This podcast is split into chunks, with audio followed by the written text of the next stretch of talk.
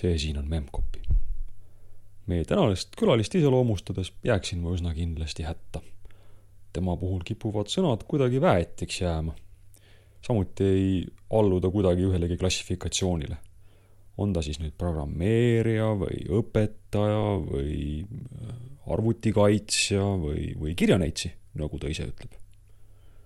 kõik, mis me teame, on see, et tema nimi on Anto Veldre. head kuulamist. Arvutiteaduses on äh, kaks rasket asja. ma seda teist ei mäleta, aga esimene on asjade nimetamine, nii et hakkame nimest pihta. sa mõtled minu nime? jaa, mõtlen sinu nime. mina olen Anto Veldre. väga meeldiv, väga meeldiv. ja no me ikka alustame, alustame asjade algusest. kuidas sina arvutite juurde said? ah, minu ema töötas ülikooli arvutuskeskuses. millise ülikooli? Tart-, Tartu Ülikooli, Eestis ei ole rohkem ülikoole, ülejäänud on mingisugused tehid. ja, ja ema siis jah, oli ülikoolis, õppis matemaatikat ja viiekümne üheksandast aastast läks sinna, mina ei tea, siis oli ta seal põhikohaga juba tööl või, või niisama katsetas, aga igatahes tegeles, tegeles Ural ühe juures mingisuguse programmeerimisega. ja see oli seal Liivi tänaval. Ei, ei, see oli ülikooli, ma arvan, et see oli ülikooli kõrval, see oli see, kus praegu see biofüüsika või Aa. mis kohviku, kohvikumajas, ma, ma usun, et see oli seal. ja, ja, ja, ja see oli tuhat üheksasada viiskümmend üheksa aasta ja, ja siis mina ei tea, mis nad mu isaga vahepeal tegid, siis abiellusid ja midagi veel ja siis kuuskümmend üks august sündisin mina ja seda ma ka enam ei mäleta, kas siis oli veel Ural üks või oli Ural kaks. Aga nii, et jah, minust eh, nii-öelda arvuti taustal esimene pilt, mida ma näinud olen, see on kuuekümne teise aasta jõulud või noh, mis jõulud, siis olid näärid. ja, ja ei, ma usun, see oli ikka Ural üks.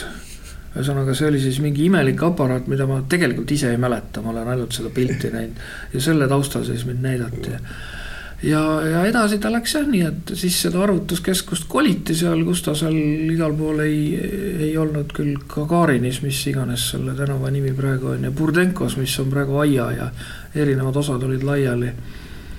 ja noh, siis kui, kuidas öelda, teadlikult juba hakkasin masinatest aru saama, siis, siis oli jah, seal praegu on seal see punane korporatsioonihoone mm ütle nüüd see tänav enne, ta oli Gagarini, et ei, Miina Härma kõrval kohe. no Just. mina Tartu geograafiat. just, just ja seal oli siis see Ural neljaks nimetatud masin, et aasta pidi siis olema mingisugune seitsekümmend kolm või, või umbes nii. kas sul need esivanemad olid seal programmeerijad või, või mida tehti nende masinatega? ei no ema oli matemaatik ja noh, see kogu see kogu see arvutuskeskus oli mingi sihuke kahtlane koht, seal oli mingeid kõrgema haridusega naisterahvaid, kes nii-öelda puistasid varrukast mingeid korrelatsioonimaatrikseid ja arvutasid mingit lehmade boniteeti ja, ja ma ei tea, mis jubedusi veel. ja ema oli jah, noh, põhikohaga tööl arvutuskeskuses ja isa, isa oli bioloog. tema muidu töötas zooloogiamuuseumis aga tema käis haltuurat tegemas, tema oli hobiprogrammeerija. profid olla teda vihanud, sellepärast et ta, ta leidis mingisuguse lokaalse optimumi seal, noh, üks näide oli. kõvakätte interleavingut siis ei tuntud veel, aga oli magnettrummel, mille peal see Ural neli oma, oma mälu pidas ja vanamees kurat arvutas välja selle pöörlemiskiiruse ja siis äh, hakkas oma progesid tegema niimoodi, et täpselt seni, kuni tema muid asju teeb, et siis jõuab see neetud trummel sama koha peale tagasi. ja siis noh, kuigi tema programm nii-öelda struktuurilt ei, ei, ei, ei kõlvanud kodulooma istmikuga, siis töökiiruselt oli ta vist kas kolmteist korda kiirem kui profiprogejate oma. teadis täpselt, millal tuleb äh, pea aktiveerida ja millal on no kohta jõudnud keerata see asi. no just ja nii, et see minu lapsepõlv oli jah sihuke huvitav koht, isal oli kapis kaks ülikonda, üks natuke kehvem oli Vanemuises käimiseks, teatris käidi tollel ajal ülikonnaga, mitte nagu praegu. ja teine natuke parem ülikond oli öösel masinasse minekuks, kusjuures masin kirjutati suure tähega. ja see oli siis Ural neli. Ja noh, mind sinna jah öösiti ei lastud, aga, aga päeval ma seal ikka kooserdasin. Millal sa siis hakkasid seal nagu teadlikumalt käima, põhikooli ajal juba? nojah, kui teadlik ta oli, tead, see on see, kuidas öelda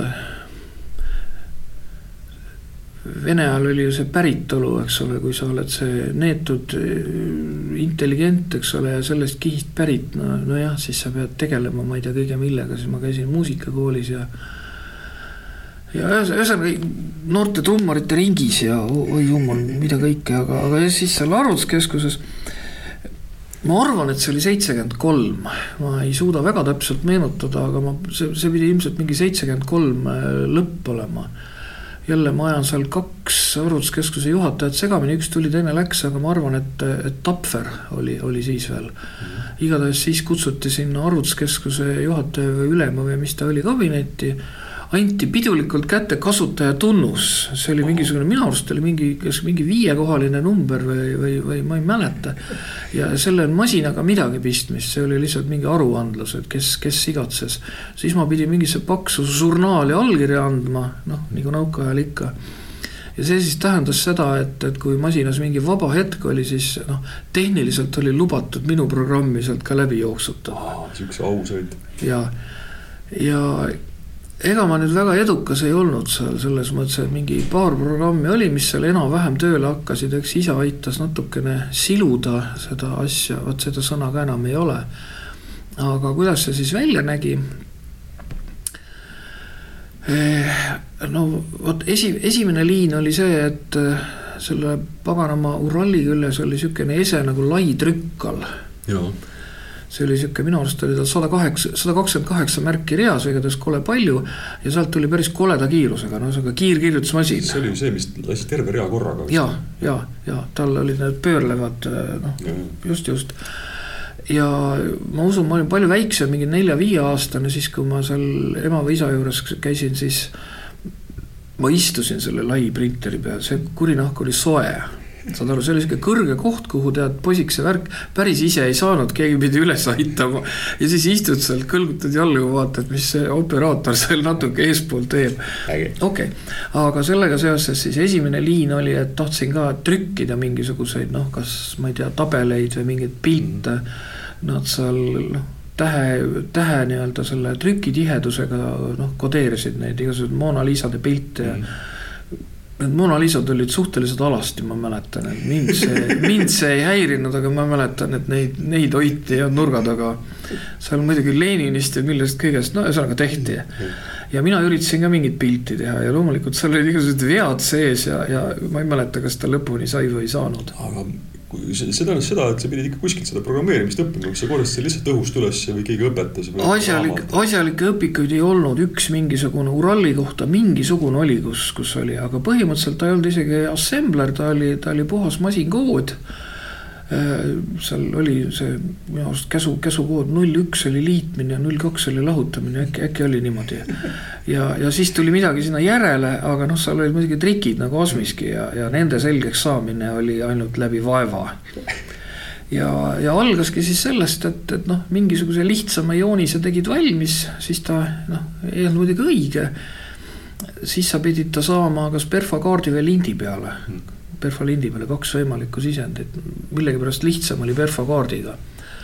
siis tuli kuskil tagaruumis mingid telegraafisti tädi painata, need, kes telegraafist käisid nii-öelda üle, noh, lisatööd tegemas seal uh. -huh. maksti raha neile seal, tagusid sisse mitu, mit-, ma ei tea, mitu märki sekundis siis see üks või, või poolteist perfokaarti siis perforeeriti ära, seda ei olnud palju, seda, aa nojah, see tuli alguses ju kirjutada nende plankide peale, need rohelise värviga trükitud plank, plangid seal mingid need operandid ja kommentaarid ja oh jesus, panna sinna see oma kasutajatunnus veel ja ma ei tea, mida kõike. siis ta sai jah perfokaardi peale ja ega siis ei olnud nii, et läksid masina ligi, siis oli selle masinasaali ukse juures oli nagu pioneerilaagris hambaharja äh, kast, sihuke noh, lahterdatud, ma ei tea, mingi viis korda kuus või kaheksa korda kaheksa, kes teda enam mäletab. ja siis sinna tühja lahtrisse panid siis selle oma programmi ja siis, kui masinal kas mõni, mõni ese, mõni perifeeriaseade ei töötanud või tähtsamaid programme ei saanud teha või, või kuidas öelda, operaatoril öösel igav oli, siis ta võttis need noh, nalja, naljaasjad. Just, lasi läbi. Ja ega ta siis nii-öelda kuni esimese veani ja siis kirjutas sinna perfakaardile mingi jõleda käekirjaga mingi jõleda kommentaari ja noh, siis võib-olla pani selle välja trükitud paberi ka juurde ja siis tuli. Kogu selle vaeva läbimiseks pidi sul ju mingisugune põhjus olema. miks sa tegid seda? no mina ei tea, miks mõned poisid jalgpallis käivad või, või kuskil no. huvitav oli. nojah, ma ei usu, et sellel ratsionaalseid selgitusi on, et mina lihtsalt selle, selle asutuse seinte vahel üles kasvasin ja. ei no muidugi seal sai ka muid lollusi teha, Aia tänaval oli, oli vahepeal üks ruum, seal oli mingi paarkümmend tädi nende Robotroni ja mis üks mingi, mingi Rheinmetalli mm -hmm. nende mehaaniliste arvutitega. mulle meeldis neid jagamistehtega kinni lasta, aga no siis muidugi pärast tuli mehaanik kutsuda ja siis, siis ma sain sõimata ja nii et eks sellele midagi eelnes. kuidas, kuidas mehaanilist asja kinni jooksutad? Äh, jagamistehe ei lõpe kunagi ja siis ta üritab selle kelguga kogu aeg jagada edasi, kuni see kelk jookseb ühele poole kinni ära ja siis ma ei tea, kas seal midagi läheb. kui jagamistehe lõpeb kõik ära. ei lõpe, nulliga jagamine näiteks ei lõpe, ei lõpe kunagi noh. jagad, noh miks sa jagasid, no, miks sa jagasid mehaanilise arvutiga nulliga? ei no jaa, aga see on loll masin ja tema saab sellega kinni jooksutada, no see on lihtsalt põnev ju noh. Et kes piinab kassi, eks ole, kes, kes paneb bensiinitünni põlema ja, ja kes laseb selle Rheinmetalli nii-öelda. Rheinmetall muidugi ei, ei, ei kiunu hirmsasti. ei, ta ragises ja logises, see ei olnud ikka, mingi ettenähtud olukord ei olnud, nii et seda nalja oli seal nii et, nii et vähe ei olnud, minu arvates, tädide arvates muidugi mitte. aga mehaanik hammustas läbi, et mis juhtunud oli? ei muidugi, muidugi noh, ega ma sain sõimata selle eest ja ega mina ainuke ei olnud, eks seal neid lapsi oli teisigi et see oli teada asi. ja siis sa toimetasid seal perfokaartidega nojah, vot ja teine programm, mille ma unustasin rääkimata, keegi inseneridest Uralile tekitas külge heligeneraatori mm, -hmm. et noh, pärast ma olen kuulnud, et see oli praktiliselt igal tolleaegsel arvutil, see oli mingi Covox speech thing'i eellane põhimõtteliselt mm. -hmm. nii et siis andsid arvutile lolle käskusid mõttetute argumentidega, aga ühesõnaga siis loeti, käsukood loeti välja ja noh, kui ta null üks näiteks oli, siis tehti mingit madalat häält ja null kaks oli, siis tehti juba natuke kõrgemat häält ja siis sai laulukesi seal niimoodi teha. ja kuna ma muusikakoolis käisin ka, siis ma üritasin, aga, aga ma ei, minu mälu järgi see ei saanud ka kunagi valmis, et alati oli mingi viga sees. ei no aga midagi ta ju ometigi tegi, mingit piiksu ta ju tegi. muidugi, muidugi, muidugi, lihtsalt mingi noot oli jälle vale, noh, ega no. see ei olnud siis mingisugune Sibelius või või, või Cubase või, või, või Fruity Loops, eks ole, millega sa kohe kuuled, oi ei. seal sa pidid veel kuulama ka minema. ja ma just tahtsin öelda, et see ju, kui sul, sa pidid ju kokku leppima selle operaatoriga. just, just, just. siis lähed kuulad. just, just, just. et vot selline raske elu oli lapsel, kes harjutuskeskusse oli sündinud. kuna sa olid siis, kui sa neid programme tegid? no kindlasti see lõppes otsa siis, kui see noh, kaksteist, kaksteist, kolmteist ma praegu viitsi, viitsi arutada mm., maksimum neliteist. aga siis juba siis minu arust, kui ma jah, kolmteist olin, siis sai see Liivi tänava arvutuskeskus lõpuks valmis mm.. no alguses noh, uued masinad koliti üle ja noh, pärast see Ural visati ju üldse, üldse välja. nii et igatahes seitsmekümne viiendaks oli see kõik pidulikult läbi. mis, mis tast Uralist sai, kas ta tollal lihtsalt utiili läks? paraku jah ja siis, kui mina veel Tartus elasin jälle ühesõnaga seitsmekümne kuuendani, siis need vana ah,, Ural kaks minu arust, algus Ural üks läks Nõosse, siis läks Ural kaks Nõosse. ja, ja siis need Ural kahe plokke vedeles veel Tartu vahel, siis kui Ural neli töötas, et neid sai oota sinna jõe äärde, sinna selle keskmise silla juurde, seal oli kunagi mingi füüsikamaja mm.. ühesõnaga sealt onude käest sai kaubelda veel mõningaid. nii et ma olen neid trigger'i blokke ka näinud, mis nad olid, kuus N üheksa S või kuus N kaheksa S lambi peal. nojah, sest see oli modulaarne asi. jah, aga neid praktiliselt ei ole järel, nii et see on kõik läinud, läinud metalliks. jaa no kuskil kindlasti on midagi kuskil Venemaa no Nõos ma usun ka mõnel õpetajal tagatoas äkki on üks trigger alles tahaks loota. ja, aga kus sa, mis sa siis edasi tegid? edasi sebisid ennast Liivi tänavale? oi ei, ei, ei, ei, ei, ei, vaata. mina olin juba siis kuulus isemõtleja, aga, aga Nõukogude Liidus isemõtlemist ei, ei sallitud mm.. nii et vaata selle, selle etapi võib ka põhimõtteliselt arvutite koha pealt vahele jääd, jätta. et nõukaajal lihtsalt elasin nagu suutsin, lihtne ei olnud. Ülikooli ei lastud mm. -hmm. mõned, mõned muud probleemid veel aga nõukaaeg sai raha teenitud igasuguste aparaatide parandamisega või noh, põhimõtteliselt ma olin kuusteist, tulin, tulin Tallinnasse, läksin alguses raadiotehnikat õppima Polütehnikumi. ja, ja siis sealt nii-öelda tuli see kirg tinnutus kolvi vastu, nii et vahepeal väga pikalt ei olnud mingisuguseid arvuteid kuskil, et lihtsalt sai ennast. jah, lõbustatud ja, ja noh, mingitel segastel aegadel see muidugi tagas äraelamise siin noh, kõik meenutavad, kui kui raske oli mingisugustel noh, murdehetkedel, kui poes ei olnud midagi ja, ja noh ma ütlen, ma ei mäleta seda hetke selles mõttes, et, et mul lihtsalt härrased olid vorstiga ukse taga, sellepärast et hommikul kell kuus pidi algama mingi jalgpalli mm kuskil ja telekas pidi mängima sel kellaajal, just. ja see tähendas seda, et sa kuskilt selle teadmise nagu üles korjasid. Ei no ja see oli jah veel üks hobi muidugi, see oli veel üks hobi, et noh, vaat seal selle Ural nelja taga oli ju ka terve toatäis insenere, mingisugune tüki viis, kes seal istusid ja eks seal ossilograaf oli ju kogu aeg arvutil ligi, ei mina oska öelda, kust ma selle täpselt sealt üles korjasin, aga noh, kusa-, kusagilt sealt. see on huvitav, et seda räägivad paljud, et, et sihukest nagu süsteemset õpet on vähe olnud, aga nagu kuskilt see teadmine nagu tuli. ei nojah, nõukaaeg süsteemne algas ju sellest, et sa pidid olema kodumaale lojaalne ja siis, eks ole, igatpidi väga standardne ja siilisoenguga ja siis sind võib-olla lasti kuhugi pärast mm. õppima ja. ja siis sa lõpetasid kuskil mingisuguse salajase tööinstituudis, eks ole, jah, see oli see ametlik track. aga mitteametlik oli, mäletan juba Tallinnas olin, noh, poisikesest peast oli jah, kuusteist, mis ma olin.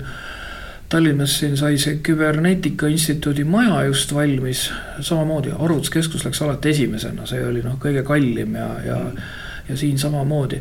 ja siis ma mäletan, ma käisin neid mikroskeemide käsiraamatuid nuiamas. see oli siis, läksid kuskilt tagauksest, social engineer isid ennast sisse Kevin Mitniku moodi ja siis seletasid, kuidas sul on ikka tähtis konstruktsioon pooleli, aga ainult kahe mikroskeemi parameetrid on veel puudu. siis said kätte selle salajase käsiraamatu nii-öelda kohapeal kasutamiseks. et noh, nii see asi käis. ja see oli siis Küberneetika Instituudis olid olemas need paber, need raamatud ja,. jah, jah, jah, see oli üks koht, kust neid sai mm., neid kohti oli Tallinnas veel siin, mingid sõjatehased ja, ja asjad, aga, aga jah, see asi käis niimoodi. aga ja siis sa olid põhimõtteliselt vabakutseline niisugune vaba mees? ei, siis ma ikka veel käisin tehnikumis, õppisin raadiotehnikat, aga, aga jah, et noh, jah, vot ja.. aga kuidas mingil hetkel ikkagi jõudsid moodsad arvutid ka nagu sinu juurde millal see oli? oeh, vot see oli nüüd, noh, sinna vahepeale jääb veel mingi segane aeg, noh, ma mäletan, ma üritasin mingeid vene arvuteid ka parandada, see oli see mingi Iskra viis, viis, viis. Mhm. see oli mingi, noh, pärast tehti neid Iskraid, mis olid Inteli kaheksakümmend, kaheksakümne kuuega tehtud, noh, need kloonid. aga see oli mingi ise leiutatud mingisuguse magnetkaardi pealt mingisugune raamatupidamisarvuti noh, ma olen ka remontinud neid mehaanilisi suuri Robotroni äh, raamatupidamis, noh, samamoodi nagu see Rheinmetall, aga lihtsalt äh, noh. ja aga, aga, aga seal jälle, kui seal nii-öelda ametlik mehaanika ei ole, kui sul ei ole kõiki neid nii-öelda kogu dokumentatsiooni, õnnemäng, ütleme nii, et enamasti ei õnnestu teha, mingi tõenäosusega kakskümmend prossa. aga kuna neid mehaanikuid telliti ka Moskvast ja ma ei tea kust, siis noh, aeg-ajalt lasti ligi, et, et mingi kogemuse sain, aga head mälestust ei ole. aga siis äh, oeh, vist kaheksakümmend üheksa või millal see oli, vend, vend sattus Tsebitile mingitel asjaoludel. ja siis ta kõik oma elusäästud, äkki oli kaheksakümmend üheksa? Võib-olla oli ühe. puha nõukogude aeg ju. no oli, oli jah, nõukaaja lõpus igatahes, mul need aastaarvud natuke ujuvad, äkki oli üheksakümmend, no ei, ei mäleta. No,, kusagil seal, ja siis ta pani kõik oma elusäästud kokku ja tõi endale sealt portatiivse Taiwan'i äh, läpaka Oho. kahe flopiga. Kahe flopi. kahe flopiga jah, nii et isegi Turbo Pascalit sai selle peal käivitada, et seal oli vaja millegipärast kahte flopit, ma ei, ma ei mäleta, ühe peale ei mahtunud ära. just ühe pealt käis see, käis see Pascal ise, teise peale sai oma koodi salvestada vist ja ega must väga paskaliprogejat ei olnud, jälle ma paar näidet tegin ja keegi teine silus ta mul ära ja andis tulemused, ütleme nii, et idee oli õige, aga aga näpud olid lühikesed, et õppinud ikka ei olnud seda asja. ja ega ma progemises ei ole kunagi mingi kõva käsi olnud. aga see oli siis jah, kahe, kahe seitsmesaja kahekümnese flopiga, kolm tolli küll, kolm pool tolli, aga ja Bondwell, mingi Taiwan'i valge sihuke XD noh. Tänapäevaks ei ole ei tea keegi sellest enam midagi. just, et see oli siis, seda sai näppida, eks, eks muidugi vend ise ka näppis teda, ta tegi mm. tööd sellega, aga siis aeg-ajalt sai näppida, imelikke asju teha. ja järgmine, järgmine koht oli. no vot, ma ei teagi, mida nüüd sellest järg, järgmiseks lugeda üheksakümne kolmanda alguses, vot siis, kui see, siis kui oli ikka selge, et nüüd on, nüüd on Eesti riik, et nüüd ei ole enam Vene riik, et seal vahepeal oli segane periood. Äh, siis ma sattusin õpetajaks tööle kuidagi, see oli sihuke, see oli sihuke õnnetu juhus, kuidas ma nüüd ütlen, Tallinnas, seal, kus see neljakümne kolmas, äh, vana neljakümne kolmas kool, praegune Tehnikagümnaasium. Äh, see oli tegelikult ühes majas oli kaks asutust juriidilist, üks oli siis kool ja siis üleval neljandal korrusel oli vana kadunud Ants Reili poolt tehtud äh, sihuke, mis ta nimi oli, ETEK. Eesti mingi teaduslik tehniline ettevalmistuskeskus, no nagu see nõukaaeg käis, ühesõnaga aga Reili Ants oli sihuke, sihuke kihvt vanamees, see õpetas ju tööõpetust, sellel olid telekas mingisugused tööõpetuse saated ja. just, just, just, just, just. igatahes tema tagus kuskilt välja raha, mingi eksperimentaalse raha mm. -hmm tegi selle neljandale korrusele selle, selle nii-öelda keskuse, saavutas selle, et kooliõpilastele hakati mingeid tehnilisi aineid andma seal üleval ja siis kuna noh, tipikoolist siis vanad elektroonikud võttis sinna tööle ja, ja nii edasi ja nii edasi.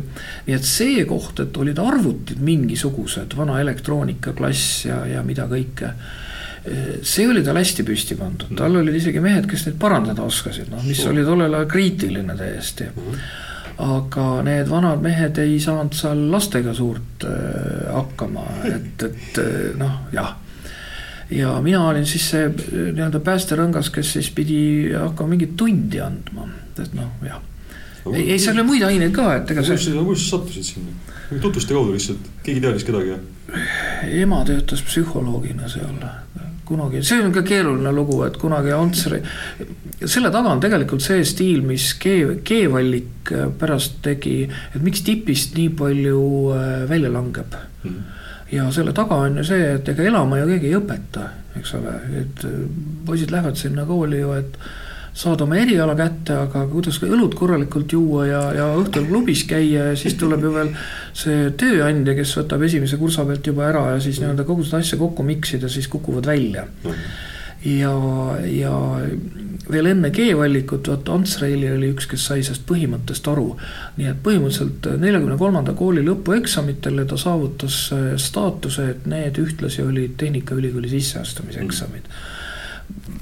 seal on veel noh, pikk, pikk jutt, et ütleme, need, kes tehnika eriala valivad, ei vali seda mitte sellepärast, et nad lollid ja jobud on noh, tark inimene läheb ju arstiks ja advokaadiks, sa tead oh, küll, eks ole oh,.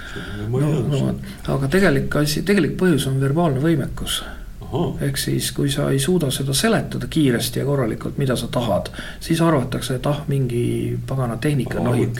võid seletada küll. no vot, vot, vot, vot, aga mida Reili tegi, oligi see, et ta ajas sinna kooli kokku inimesi, kes nende poistega kolme aasta vältel tegelesid mm. ja õpetasid neid, kuidas öelda, oma mõtteid inimese moodi väljendama. ja minu ema siis äh, mingil hetkel sattus sinna koolipsühholoogiks. et, et see on programmeerija ju. no mis siis, ta vahepeal tegeles kutsehariduses äh, nii-öelda testidega ja noh, pikk, pikk lugu jälle. Aga see oli kuidagi nii naljakalt, et kas mina soovitasin alguses Reilile oma ema ja, ja, ja minu ema soovitas pärast mind või no ühesõnaga, see oli kuidagi sihuke rekursiivselt tutvuste kaudu. aga jah, mingi hetk, ühesõnaga jaanuaris üheksakümmend kolm olin ma seal igatahes paigas ja mulle öeldi, et teisest või noh, siis neljandast veerandist siis noh, kooli või noh, jah mm., see, mis suvega lõpeb.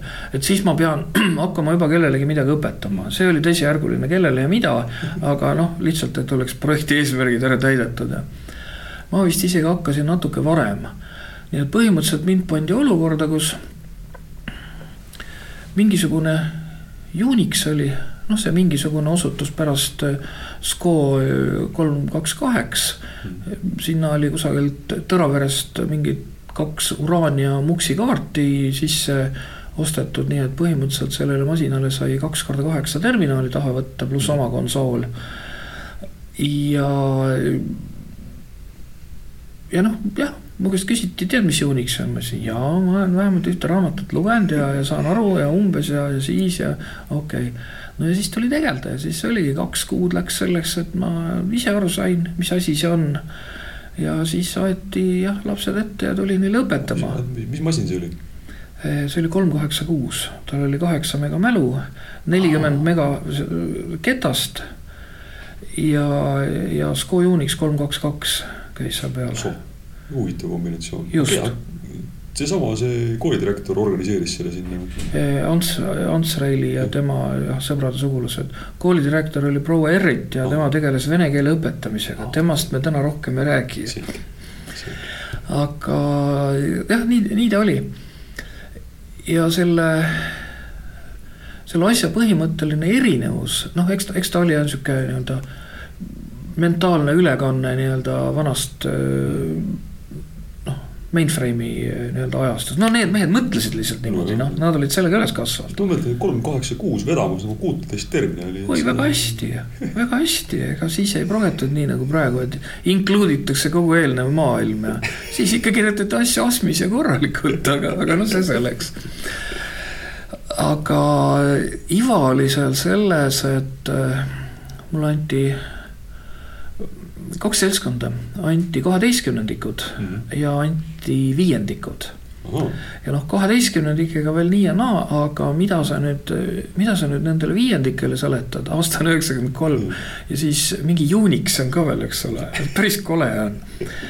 Aga nagu öeldud, seal olid vanakooli mehed, mina progemisest jälle ei jaga suurt mõhkugi, aga Sven Turnau oli siis see süsteemi ülem seal. Mm ja see proges Ansi siis nagu, nagu issand jumal. ja, ja siis ta proges mulle seal paar abivahendit, üks oli mingi mäng, millega sai ekraanile, terminali ekraanile tärne joonistada.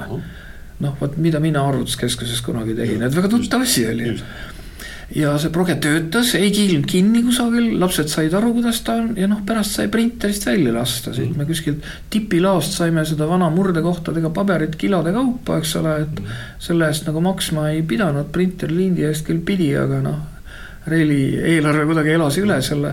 nii et põhimõtteliselt lastel oli praktiline väljund, joonistas oma jubeduse valmis ekraani peal, trüks välja, noh, ühe tunniga tehtud.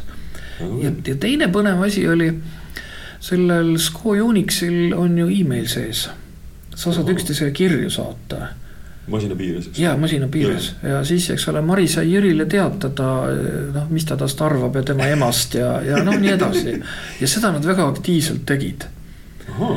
aga olukord läks nüüd huvitavaks, tähendab järgmine õppeaasta see lihtsalt jätkus.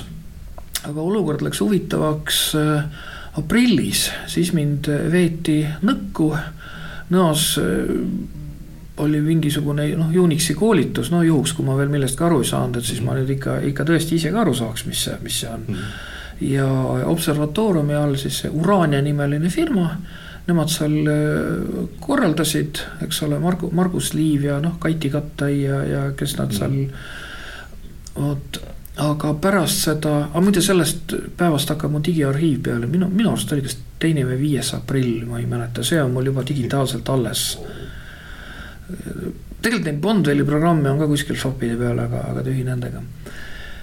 ja pärast seda Uranias, seda koolitust, noh, ma ütlesin, et aga siin lähme siis nõkku ka juba, et see on ka lähedal, et vaatame, mis need seal koolis teevad. ja seal oli sihuke härrasmees nagu Kill Kask Mm -hmm. ja ma siis küsisin, mis te, ah, me siin ripume mingi, eks ole, mingi internet ja mingi trillella-trullella, mingi kirjade vahetamine ja noh, väga meeldiv, eks ole ja, ja siis seal oli mingisugune karbik oli laua peal, ma küsin, mis see on, see on modem oh.. ma ütlesin ahah, rohkem ma ei julgenud küsida. modem siis modem. modem siis modem, aga siis ma kuidagi noh, nagu öeldud, netti ei olnud, ma ei tea, kust ma selle selgeks tegin, aga mõne päevaga oli siis mul nagu see noh, kontekst selge, et mis aparaat see on ja mida sellega saab. ja siis ma kirjutasin avatud Eesti fondi taotluse, et ma tahan nüüd ka seda saada. et siis ma olin veel Sorosega sõber, siis nad tegelesid noh, tõsiste asjadega, mitte nendega, millega praegu ja kool sai selle raha kätte, nii et põhimõtteliselt kaks tuhat kolm sügis, kuupäevi ei mäleta enam. üheksakümmend, sorry, muidugi, muidugi, aitäh. üheksakümmend kolm sügis, mingid projektid on trükitult alles kuskil, aga, aga vahet pole, sai selle modemi siis. Sco Unix võttis selle modemi ilusasti taha. ja vot nüüd selgus, et meil on relv. Kuidas käis normaalsetes koolides tollel ajal emaili saatmine? no näiteks Tartus Treffneris, noh, seal sai ka külas käidud seal oli palju arvuteid, üle kümne, see oli ikka väga hästi varustatud kool. aga modem oli neil taga ainult ühel. ja, ja siis selle arvuti taga oli järjekord, nii et siis üks õpilane siis kahe näpuga toksis oma kirja ära, eks ole, saatis minema ja, ja, ja teised ootasid järjekorras, oli järjekord kogu aeg. no jaa, aga sinul oli terminalid. jaa, mul oli kuusteist terminali, kus. see oli arhitektuuriliselt palju parem. absoluutselt ja, ja see oli relv ja, ja, ja siis, kuidas see välja tuli? Anne Villems Tartust, see korraldas neid õpilastele igasugu mängusid, et noh, nad internetiga seal ära harjuksid. oli see mingi Gaia ja, ja enne seda oli, mingid väljamõeldud riigid olid, ma mäletan, meie kool nimetati barbaariaks. üks väga õige nimetus. ja ja nagu öeldud, meil ei pidanud keegi järjekorras seisma, meil mm. seitseteist tükki, noh kuusteist ja, ja siis, kui Turnal hea tuju oli, siis lubati keegi konsooli taha ka, nii et seitseteist tükki võisid korraga oma kirju trükkida. ja masin korjas nad kokku ja ära saatis siis, kui tal aega oli mm. sellega tegelemiseks. aga sellega asi ei piirdunud. Äh, Sco Unix siis sai modemiga sissehelistamise peale häälestada mm. ja siis ma ei mäleta enam, mis pagana laos me käisime. me saime Eesti Energiast paar vana modemit, tuhat kakssada poodi ilma veakorrektsioonita, mingi ürgaegne värk. ja mingisuguseid, ma ei tea, soome tähtedega terminali ja ühesõnaga mingeid noh, koledaid asju. Soome tähed ju muudavad ära skiil, noh lõppu, kus on nurksulud on. sinna tulevad need ööd ja üüd, no vot aga ütleme siis nii, et äh, aktiiv ehk siis kolm-neli poissi, kes kõige aktiivsemad arvutiklassis käijad olid. Nendel õnnestus saada modemid ja terminalid koju, sest noh, kes see, kes see kannatas siis arvutit osta endale, eks ole. no vot ja, ja nüüd läks asi hulluks kätte, sellepärast et eks ole, poiss logis ennast öösel äh, kooli Sco Unixisse sisse, trükkis kirja valmis ja, ja noh ja siis oli, kus Anne Villems ütles, et te lihtsalt olete tehnoloogiliselt teistest nii palju üle, et see ei ole enam aus.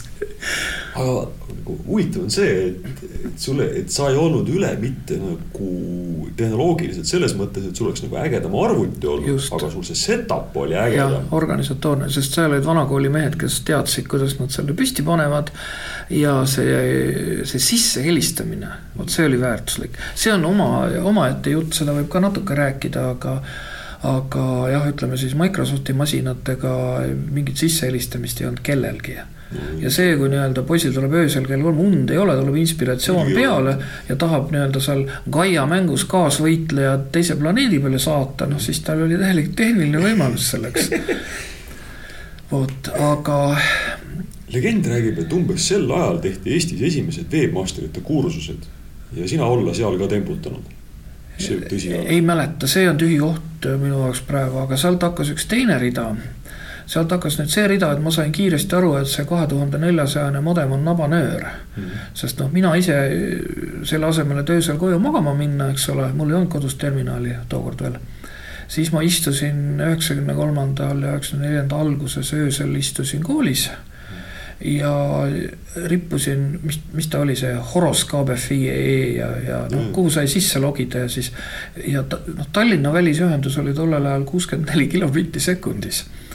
Ja kuna öösel normaalsed inimesed magasid, siis põhimõtteliselt viis pool kilobaiti sekundis oli maksimaalkiirus, mida ma sealt, see masin muidu tõmbas uudiseid, noh mm. newsgruppe aga siis eh, mina sain siis mööda netti ringi kolistada, eks ole, selle terminali ekraaniga asju tõmmata mm ja öö jooksul tavaliselt ma suutsin umbes viis flopi täit kohale tõmmata omale. siis ma magasin välja, mul see järgmine päev tunde ei olnud. Siis läksin Andres Baumani juurde KBFi-sse ja siis anusin, et kas ma nüüd saaks tema masinast selle flopi peale ära kopeeritud.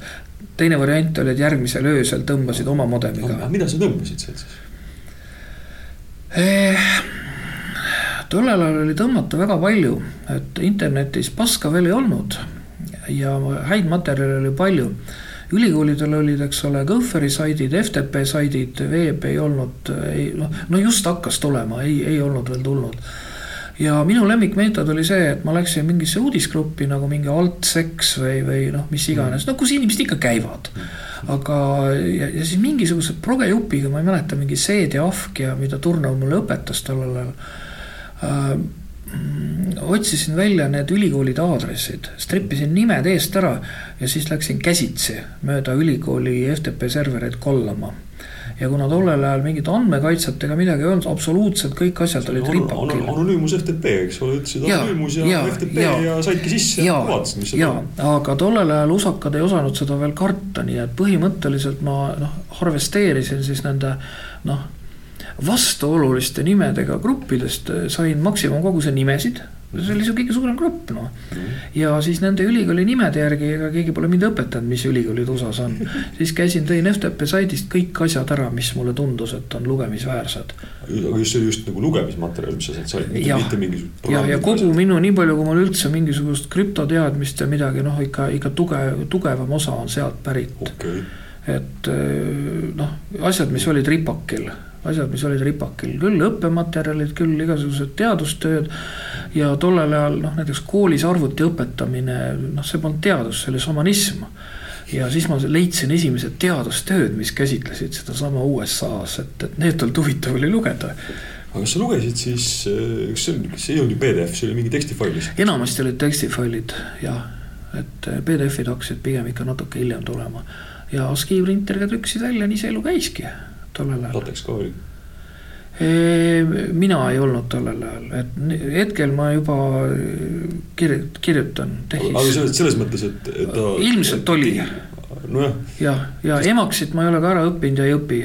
sama, sama. viiga kirjutan. Et... mina mäletan ennast samamoodi ringi kolamas ja mina küll aeg-ajalt koperdasin mingite naljakate märgenditega failide otsa, kus ma siis käsitsi välja korjasin. ja, ja, ja, ja võimalik, võimalik. võimalik trükkida. võimalik aga, aga sealt nüüd edasi minnes mingil hetkel ma sain selgelt aru, et see kaks tuhat aa, selle asja räägin veel ära, et, et pisut hiljem ma sain tuttavaks mehega, kes rippus samamoodi öösiti Tartu satelliiditaldriku taga, tema nimi on Marek Tiits. oh soo.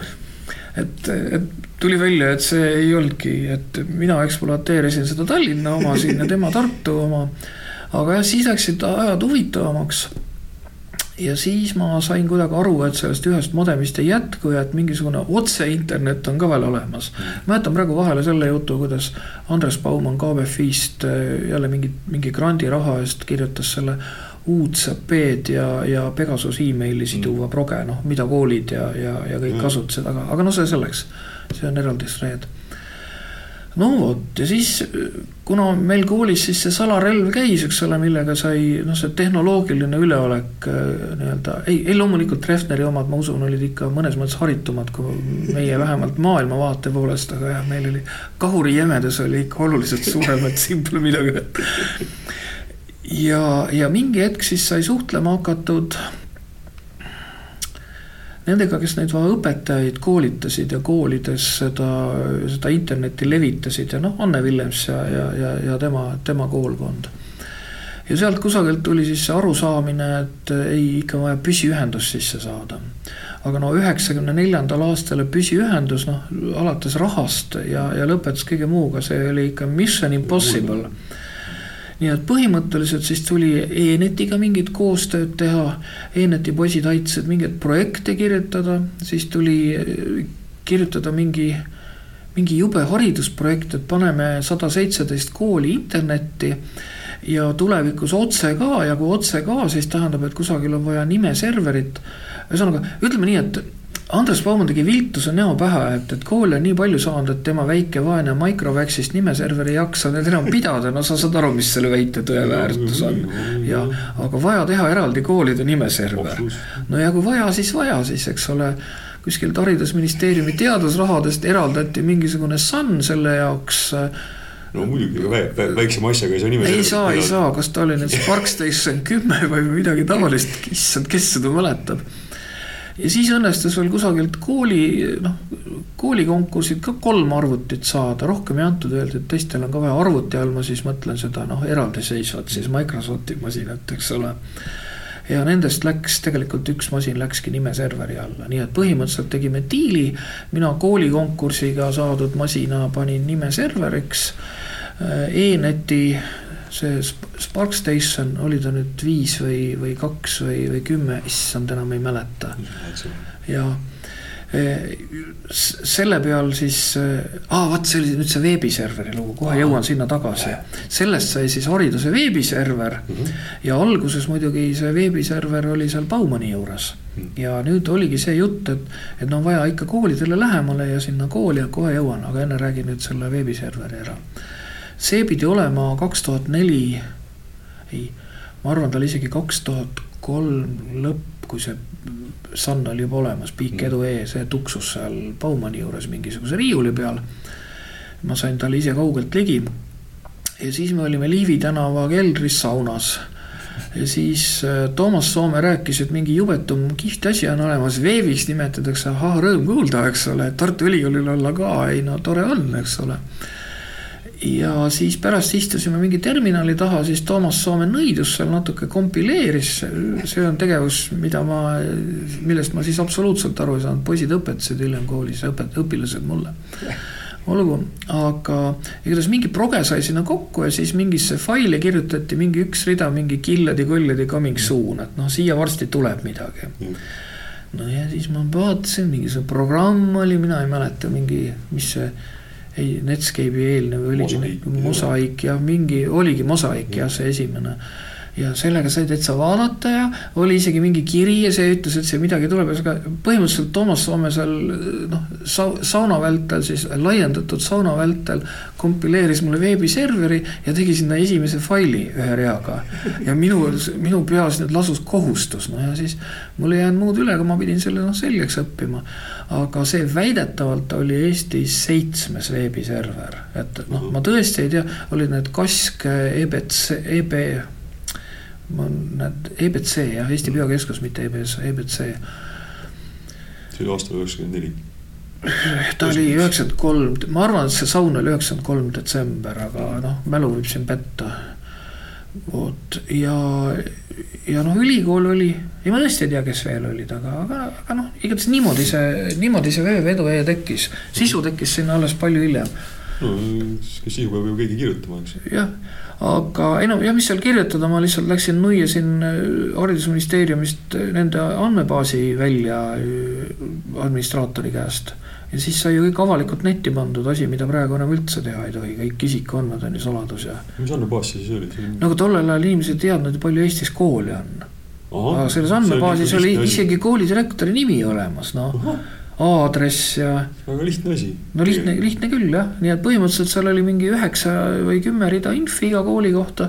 kooli oli kokku mingisugune kuussada, aga sealt tuli mingi valik teha, et päris mingeid erikoole ei hakanud panema. ja see oligi see veebiserveri kõige esimene nii-öelda versioon, midagi taolist. kasulik asi ju ajal aga nüüd on see järgmine oluline thread, et siis sai e-netiga koostööd teha, siis oli pikk lugu, kuidas me jooksime mööda keldreid ja otsisime mingeid vasktraate.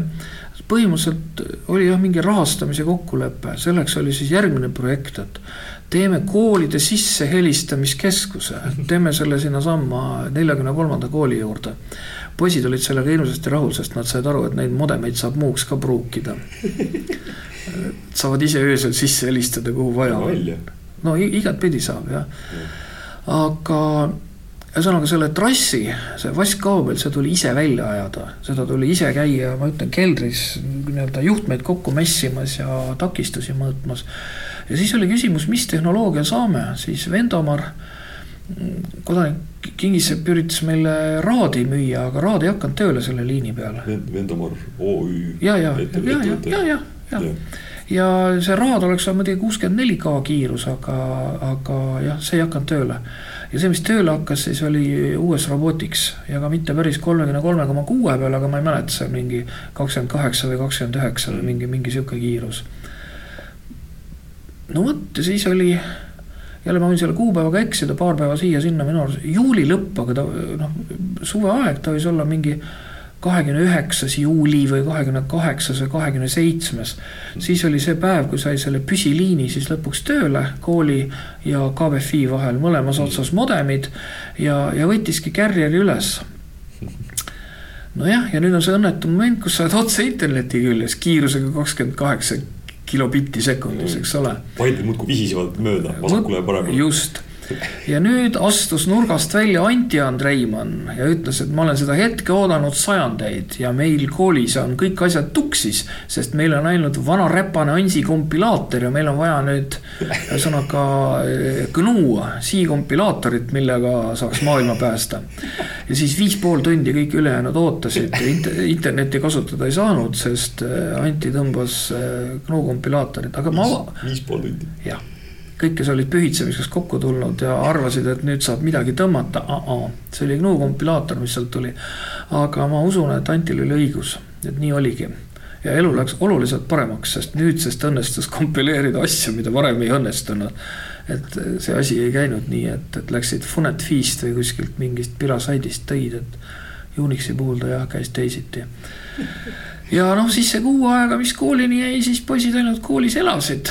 ja noh, tolles augustis hakkasid ka esimesed nähtused tulema, et noh, sellise kogemusega, kui sul on juba nihuke internetikiirus ja noh, siis sa paratamatult, eks ole, satud mõne kõrgkooli bugistesse, veebidesse ja ja kuidas ma nüüd ütlen, School Unixil oli üks knihv, kuidas pidi modemit konfima ja kui sa seda knihvi ei teadnud siis Carrier Detect jäi püsti, kui sa meie kehva telefoniliini pealt maha eh, mhm. kukkusid. aga ütleme niimoodi, et Peda ja TTÜ adminid kukkusid oma selle ruuduprompti otsast päris sageli maha ja kuna meie poisid teadsid seda nippi, siis. Sa said selle terminali otse kätte? ei, mina ei saanud, aga nemad mõnikord said, et, et ütleme seal neil aastatel juhtus igasugu artefakte et seadusi hakati tegema alles, kas oli üheksakümmend viis vist hakati, üheksakümmend kuus kuulutati välja, see oli ka mingi töögrupp, ma mäletan, ma Tartus käisin seal Riigikohtu omadega midagi, noh, mis ma oskasin neile rääkida, nii palju kui ma olin netist lugenud, et kes läänes mille kust ära varastas netist, eks ole, ega ma rohkem ka ei osanud. oma õpilaste pealt ka midagi oskasin rääkida. siis sa puutusid esimest korda nagu infosekiga, infoturbega, siukeste asjadega kokku nojah, sellepärast et kas oli vist üheksakümmend viis ja siis oli see kuulus No Name'i lugu, Svets, Igor Svets, mis mingi pisipank oli meil Eestis, Eve, Evea pank. see töötas seal süssadminina ja ei, mis ta oli, tehniliselt väga kvaliteetne häkker, noh. ja siis see kolistas ju kogu Eestit pidi ringi, kuhu aga sisse sai, et mina ei tea, kellele ta töötas, iseendale või või oma rahvuslikule päritolule või, või, või, või nojah, hea küll, olgu, olgu, ei, ei, ei võta seda teemat ette, aga. ja, ja noh, ega mina mingisugune kõva käsi ei olnud, aga ma, ma vähemalt olin võimeline aru saama, et, et keegi kurat elab mul masinas. Okay.. ja eks poisid natuke aitasid, ega see Sven Turnau, see ametlik masinaülem, ega, ega see polnud ka loll mees, see sai ka aru, mis toimub. Ja siis sai see skandaaliks keeratud, ajalehes ära trükitud, kuidas Mr No Name ja siis Postimees tegi temast mingid noaga pildid ja noh, noh, press on press, eks ole ja siis ma mäletan, ma mingi hetk helistasin veel, noh, politseisse oli üldse mõtet helistada, need ei saanud aru sellest, siis ei olnud ei paragrahve. tol ajal ei olnud veel. ei olnud, ei olnud, ei olnud. kaposse helistasin ka, need ei saanud ka aru, et, et noh, noh, kõvasti on ikkagi arenenud ja õppinud aga jah, mingi hetk me suutsime iseennast ära kaitsta, saada aru, et see, et see värk on nagu olemas. ja, ja ütleme, keerulisem kui see enda kaitsmine oli tegelikult see, kuidas poisse seiklustest eemal hoida mm.. et noh, üks tüüpiline lugu oli see, poisid tulevad ja ütlevad, et meil juhtus õnnetus no ma küsin, mis õnnetus teil siis täna juhtus? ei, me saime kogemata pedasruuduks küsin, kuidas te siis, ei, ei nojah, vaatasime, et see kadmus, noh, see oli see mustkäed. mingi vana embargoalune kadmus, noh, mingi tumba kuskil seal, eks ole ja eks nad läksid netti ja küsisid, et mis bugid tal on ja, ja noh, loomulikult tal olid ja siis nad said ruuduks ja, ja mis me nüüd teeme siis. Ma ütlesin, no mis ikka, et noh, parandage siis ära need bugid ja kinkige talle siis tagasi tema masin, noh. ja siis nad parandasid ära, kompileerisid talle uue kerneli ja ma ei mäleta, mida veel, ma üldse imestan, et nad seda masinat õhku ei lasknud. ja siis saatsid talle lõpuks kirja, kus nad seletasid, et, et nad on ta bugid ära paiganud ja et ta võib nüüd oma masina tagasi saada, noh, põhimõtteliselt. et see oli sihuke hästi-hästi tüüpiline. Need on mingid kaheteistkümnenda klassi poisid siis, kes seal toimetasid? ei olnud et äh, see aktiiv oli seal need, kes üldse tunde ei saanud, need olid mingid üheksandikud, kümnendikud, mis on siis. see oli sihuke lihtsalt sihuke tore aastakäik. üheksakümnendate keskel üheksandikud võtavad ruutu. ja, ja, ja. äge ja noh, mõnest asjast ei julge tead tänaseni rääkida, tead inimesed on ju skeene peal veel. ikka juhtub õnnetusi inimestele. ikka juhtub õnnetusi jah, ja ütleme niimoodi, et oli ka üks poisslaps, kelle ta on ka siin töötanud ja, ja no vahet, vahet pole. aga tema ema oli ka teadustöötaja mm. ja, ja, ja ma ei tea, kes ta isa oli, aga tundus, et igatahes seal peres kas oli raha rohkem saadi aru, mis on oluline. ja temal oli neli kaheksa kuus tollel ajal, ta ei olnud meie kooli poiss, ta käis külaliseks aga näiteks tema nähes SCO Unixit ja seda igavest muret, mis on seerianumbritega mm., ta ei olnud veel keskkooli ära lõpetanud, kui ta kirjutas programmi, mis neid seerianumbreid nagu külluse sarvest väljastas. ja tema oli ka esimene, kes Jack the Ripperiga õppis, õppis ringi käima. ja noh, siis kui Tallinnas siin eh, Tehnikaülikooli Sunny, eh, Sunny klass, noh, need olid ka need mingid hädaabi mm. vanad, vanad BSD Sannos neli punkt, ma ei mäleta, mida iganes. rebane oli see arvutiklassi pealik ja aga tollel ajal tsentraalne lahendus oli NIS-i peal, tänapäeval see sõna ei ütle mitte midagi, aga, aga ütleme niimoodi, et paroolifail oli kättesaadav. no ja siis, eks ole, see üks kodanik, kellel oli natuke parem masin, see lasi kõigepealt kodus, seal oli kodus ka Sco Unix, kujutad ette, jah ja lasi selle Jack the Ripperi, nii et põhimõtteliselt ta vist, kas, kuidas ta ütles, et kolme päevaga sai vist kas seitsekümmend protsenti paroole lahti või noh, mingi, mingi sihukene lugu. oeh, et jah, olid ajad, olid ajad. inimestel, inimestel olid hobid tol ajal. ja siis oli ju veel see telefonide läbi helistamine, vaata siis oli modemeid oli maru palju, aga turba polnud mingisugust nii et põhimõtteliselt. võtsid vastu nagu helistasid. sihuke proge oli nagu tonelokk mm. -hmm. sellega noh, noh nagu sa praegu pingid läbi mingisuguseid IP aadresside plokke, tollel ajal sa nii-öelda pingisid telefoninumbreid läbi. Mhm. tollel ajal ju kohalik kõne ei maksnud midagi.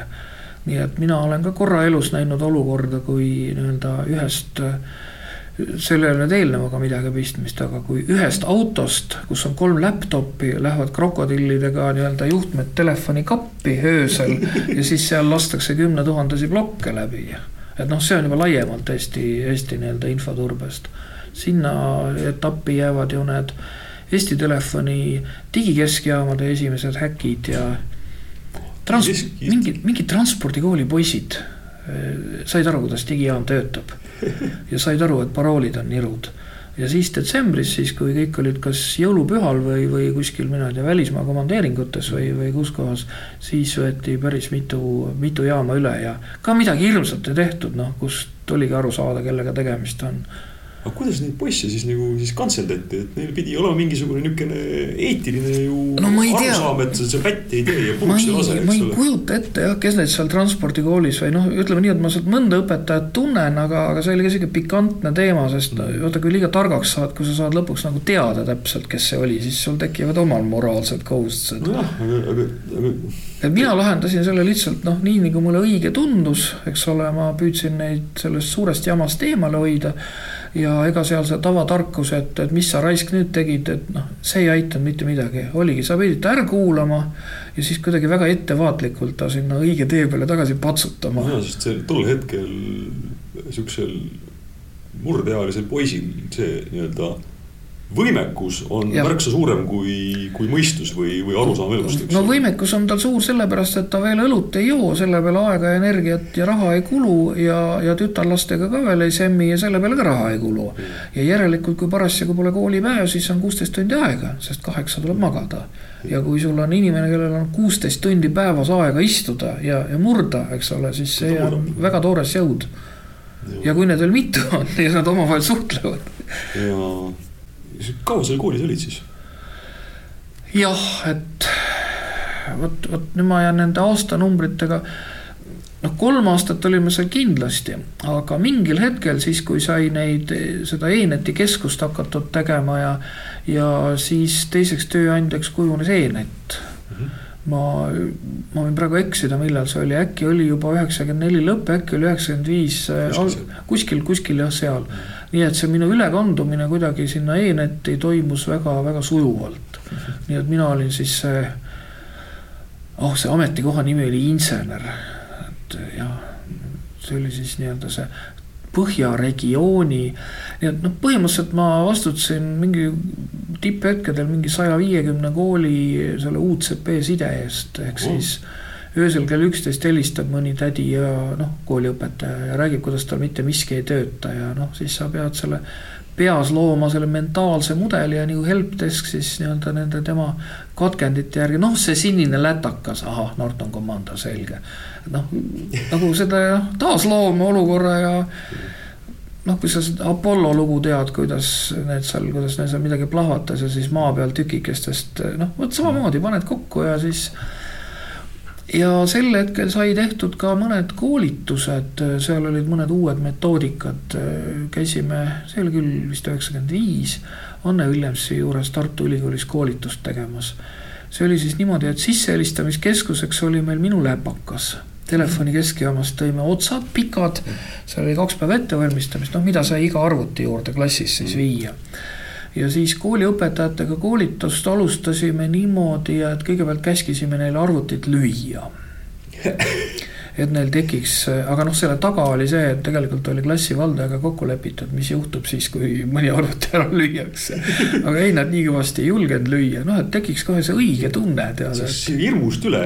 just, et kes on peremees. kes on peremees ja teine asi oli, kuidas hoida neid tädisid ülearuse info eest, tollel ajal ju modemi konfigureerimine oli baasaadress, eks ole, oli mingisugune null hash, ma ei mäleta, kolm, seitse, null, mida iganes.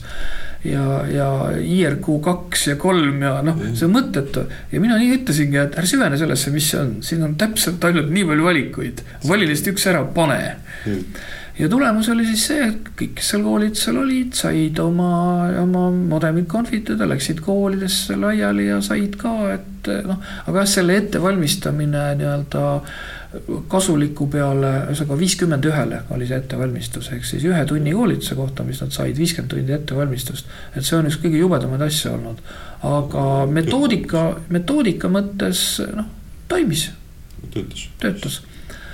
sest inimesed said oma modemid püsti ja side ka, eks. just, ja siis, ja siis tekkis jah see, et kui Ants Reili suri ära mäleta enam seda täpset surmapäeva, seda ma mäletan, et ma Keilast taksoga jõudsin täpselt selleks hetkeks kohale, kui ta seal Keila taga surnuaial nii-öelda siis maa sisse ära pandi. aga siis lagunes ka see etek ära või noh, üldse, eks tulid majanduslikult. me kauplesime näiteks endale Tehnikaülikoolist Jüri Kaljundi käest sain vana väksu Mm -hmm. ainult, et transaga midagi sai pihta, ei, ei läinud enam tööle ja, ja siis koolidirektor siis äh, tundis väga huvi, et kust ma elektrit kavatsen võtta selle masina toiteks. nii et käima ta ei läinudki, lõpuks ta läks ka kuhugi noh, utiili. ühesõnaga see business vajus seal sellisel äh, noh, kujul koost ära, et seda tipphetki oligi seal enne mind natuke aega minu ajal ja mina kandusin rohkem nagu e-netti mm. -hmm nii et eh, enne kui ma siis järgmist korda mingi pöörde tegin, siis eh, üheksakümmend seitse, siis ma istusin seal eh, Tatari tänaval mikrolingi kõrval üleval, seal oli siis üks tuba, seal oli siis see e-neti kontor, kus siis üks Fixi kunagine helitehnik ja siis Anti Andreimann ja siis mina ja siis noh, me siis kolme peale kokku tegime siis, mida me siis suutsime teha. olite põhja e-net? jah, et Anti sai aru, mis tegelikult toimus, suutis kernelit kompileerida ja meie kaheks ja siis mingeid muid asju. et, et sellega see koolide saaga noh, lõppes ära ja siis tekkisid juba mingid tiigrihüppe, noh natuke varem jah, tiigrihüpped ja asjad, et, et sellisel kujul lähenemist ei olnud vaja enam. ja, et sa, sa ühesõnaga tegelesid, sa jõudsid infoturbe juurde niimoodi väga praktiliselt ja samas väga nagu inimesekeskselt et noh, sa pidid tegelema nende kuramuse kaakide ohjeldamisega, kes kuusteist tundi päevas. ei nad jah, mis nad ei olnud kaagid, nad on kõik lugupeetud inimesed ja nad on kõik skeene peal ja minu teada pole, pole. vaat ühe suhtes ei tea jah, üks töötas äh, siin aastaid äh, ühe asutuse adminina ja ja ma ei teagi täpselt, mille eest ta seal lõpuks lahti tööti, kas on IT-ga seotud või ei ole, aga aga kellegi teise osas ei ole midagi paha kuulda, kõik on no, siis on ju, siis on ju hästi läinud. väga lugupeetud inimesed, osad on siin üldse mingis sõjaväes kuskil X riigis ja noh, ühesõnaga ja nii edasi. äge, mis sa praegu teed? Kuule, näed, me siin istume mingis küberneetika nimelises AS-is, kus äh, ma olen kuulnud, et sina oled mingil eluetapil töötanud ja näed, mina olen nüüd siia jõudnud ja. eks me kõik. ja ma olen, äh, ma olen hetkel kirjaneitsi, et, äh, et. vot see on see maru raske küsimus, et mida sa oskad. Nad alati, kui tööle võetakse, küsitakse, mis sa oskad mm ja mina mõnikord, mitte alati, aga mõnikord oskan mõne asja suhteliselt selgelt kirja panna mm. ja siin majas neid segaseid asju, mida on vaja pisut selgemini kirja panna, on suurtes kogustes oh.. nii et. vot seda sa oskasid küll väga selgesti öelda. see oli kuidagi väga, ma sain kohe aru, mis sa teed. ja noh, sõltumata jah sellest, mis see töökoha nimetus on, milline see nii-öelda järg, järjekordne käimasolev projekt on, aga, aga jah, sedamoodi mingi natuke teine vaade ja natuke parem sõnastus ja, ja mõnikord siis ütleme nii, et mõni järgmine seltskond saab sellele tuginedes juba noh, järgmise lati ära võtta, mis iganes see siis oleks. mõni asi kuhugi riiki maha müüa või, või noh, midagi muud. selge, aitäh sulle. tänud. Memcopy.